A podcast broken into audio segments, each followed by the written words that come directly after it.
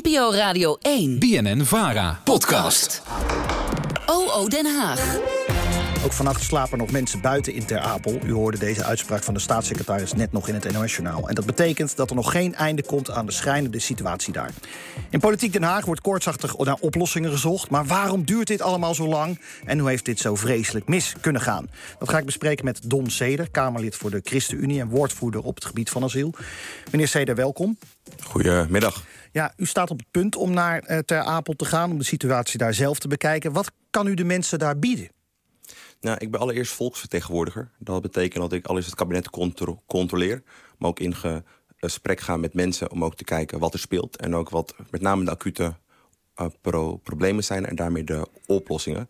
En wat ik zie, als je kijkt naar de hygiëne, de medische situatie nou, en, en, het feit dat mensen buiten slapen, denk ik dat we door een ondergrens zijn gegaan. En daar ben ik niet de enige in die dat vindt. Ik ben een aantal maanden eerder naar Ter Apel geweest. Toen stonden er nog grote tenten. En het is ons niet gelukt, helaas, in de afgelopen maanden... om ondanks de juiste analyses, ondanks volgens mij de juiste denkrichtingen...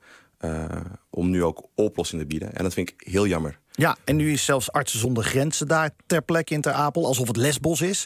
Uh, het, is zelfs zo schrijnend nu dat, dat Artsen zonder Grenzen zit en hun geld besteden van donateurs aan uh, asielzoekers in Nederland. En waarom moet Artsen zonder Grenzen dit oplossen? Dit is toch een probleem van de overheid? Nou, volgens mij is het vooral inderdaad een bestuurlijk pro probleem. Uh, de mensen die buiten slapen, even los van de algehele op opvang... die zitten daar uh, met name wat ik um, terugkrijg... dat zij uh, niet weg willen. He, dus het is niet dat ze niet weg kunnen, maar weg willen. Omdat Ter Apel, dat hebben wij zo geregeld... de enige plek in het land is waar jij je kan registreren. En pas nadat jij je hebt geregistreerd kan je verder in dat proces. En op het moment dat er opvang geboden wordt ver weg... Hè, in Haarlem of op andere plekken dan zijn heel veel mensen bang dat je in de ochtend voor een gigantische rij staat... en gezien de achterstanden niet meer aan de beurt komt. Dat je eigenlijk in een cirkel belandt waar je niet uitkomt. Dat, is, dat heeft weinig te maken met de instroom, hè, de mensen die buiten slapen. Mhm. Maar dat heeft vooral te maken met de vraag... Um, er is een trechter. De enige plek waar mensen kunnen registreren is op Ter Apel. Uh, kunnen we dat niet anders? Nou, volgens mij kan dat.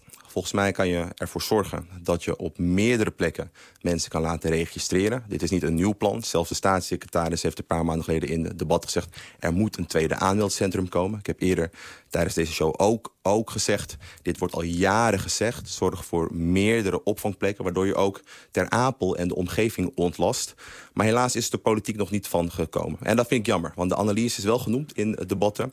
Uh, er moeten aanmeldcentra komen. Maar als je dat niet kan um, regelen nu, zorg in ieder geval dat mensen of een nummer krijgen.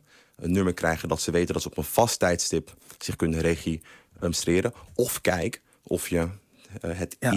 identificeren, de vinger af afdrukken... misschien ook door anderen op andere plekken kan Maar u, u, zegt zelf, het is een bestuurlijk probleem... en ik kijk er van een afstandje naar... maar het lijkt er gewoon op dat de overheid gewoon geen grip heeft op deze situatie. Nou ja, we hebben als Kamer geprobeerd, dat heb ik ook gedaan. Ik heb gezegd, zorg voor een tweede aan, aanmeldcentra. Uh, en als het niet, niet kan, zorg dat je tijdelijk anders registreert. Zodat meer mensen um, zich kunnen re registreren... en vervolgens verder kunnen naar een opvang. Dat is tot op heden niet gebeurd en dat vind ik echt jammer. Dat ja. is ook een van de redenen waarom ik die kant op ga.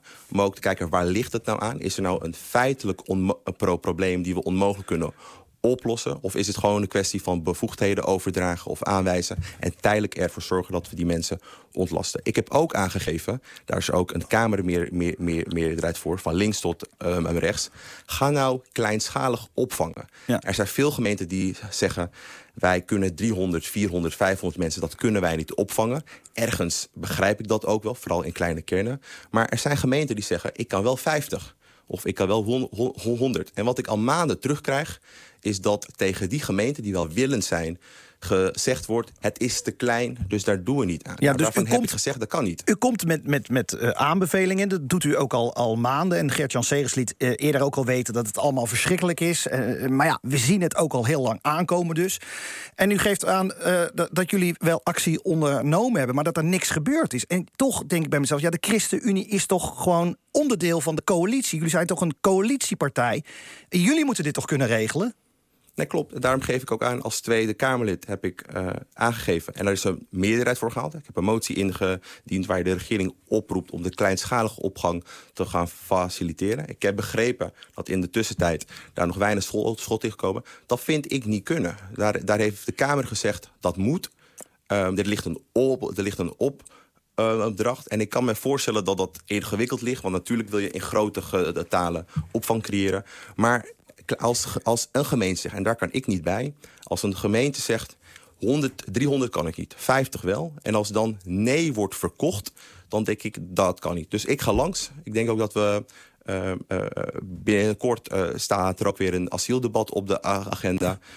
er moeten verbeteringen komen. Ja, maar dat moet toch nu gebeuren? Er moeten toch nu extra wc's neergezet worden, tenten. Ik, ik snap gewoon niet waarom het niet geregeld is voor die mensen daar.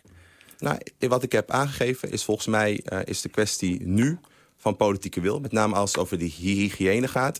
Je kan wel naar elkaar wijzen wie dat zou moeten betalen. Maar volgens mij is het nu aan het Rijk om te zeggen... dat ze mijn verantwoordelijkheid voor de hygiëne... er zijn mensen daar die medicijnen nodig hebben... dat, de, dat het uh, Rijk zegt, die discussie wiens verantwoordelijkheid is dat gaan we later doen. Maar we zijn een land die in ieder geval humanitaire opvang... de meest basale voorzieningen, dat gewoon um, regelen. En, dat het kabinet gaat er overleggen. Die is in overleg nu. Die gaat, die gaat, als het goed is, met een plan komen uh, vanmiddag. Heeft u nog fiducie in, in dat uh, het kabinet met een goed plan komt?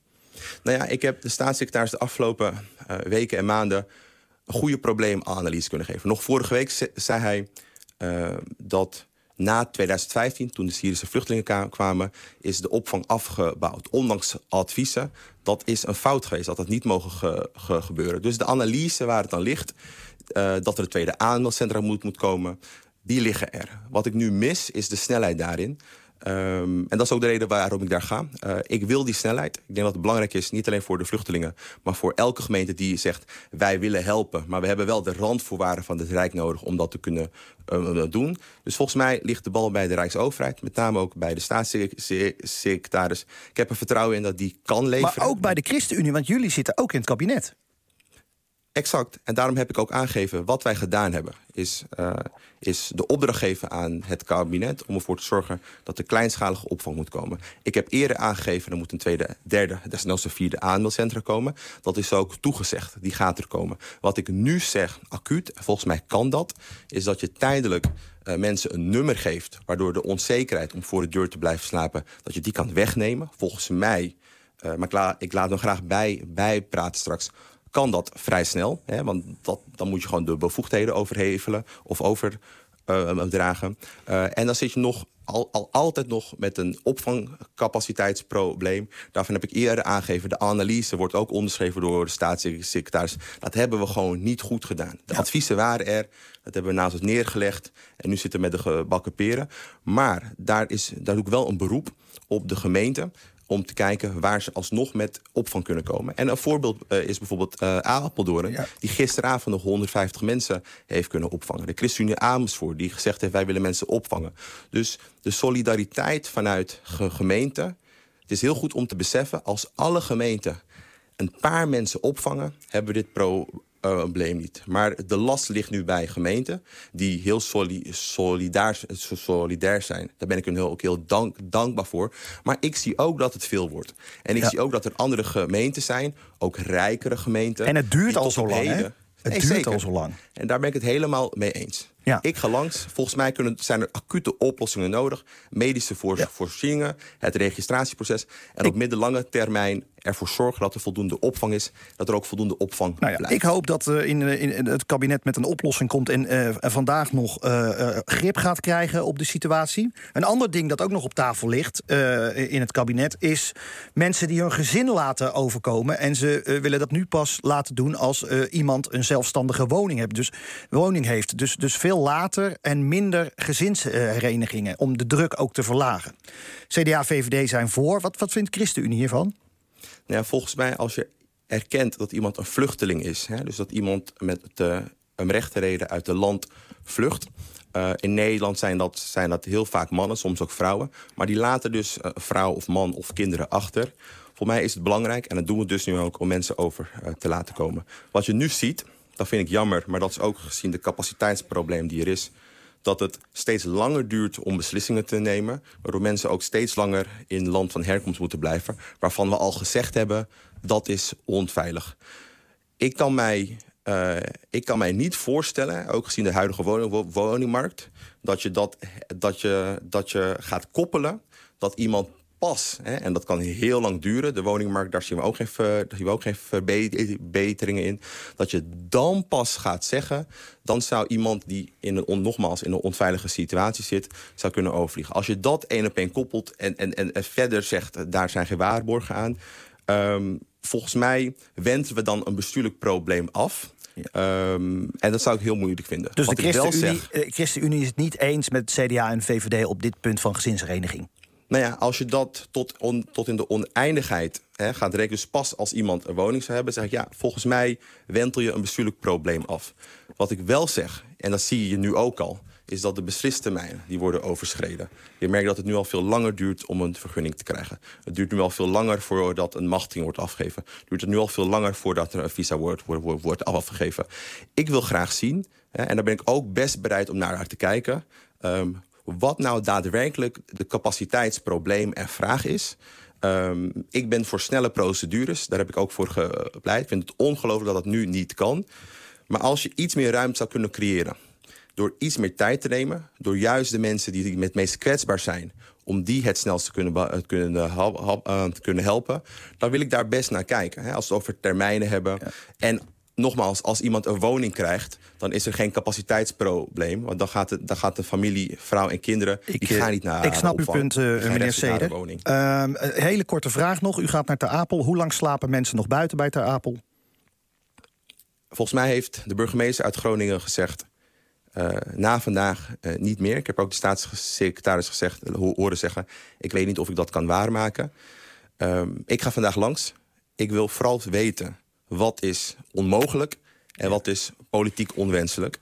Uh, dat wat onwenselijk is of dat wat geregeld kan worden... als we buiten de lijntjes kleuren die we met elkaar bedacht hebben... dan zeg ik, laten we alles op alles zetten om die registratie... die kleinschalige opvang en, kleine, uh, en extra cap, uh, capaciteit te regelen met elkaar. Dank u wel, Don Seder, Tweede Kamerlid voor de ChristenUnie. Meer van de Nieuwsbv? Volg ons op Instagram.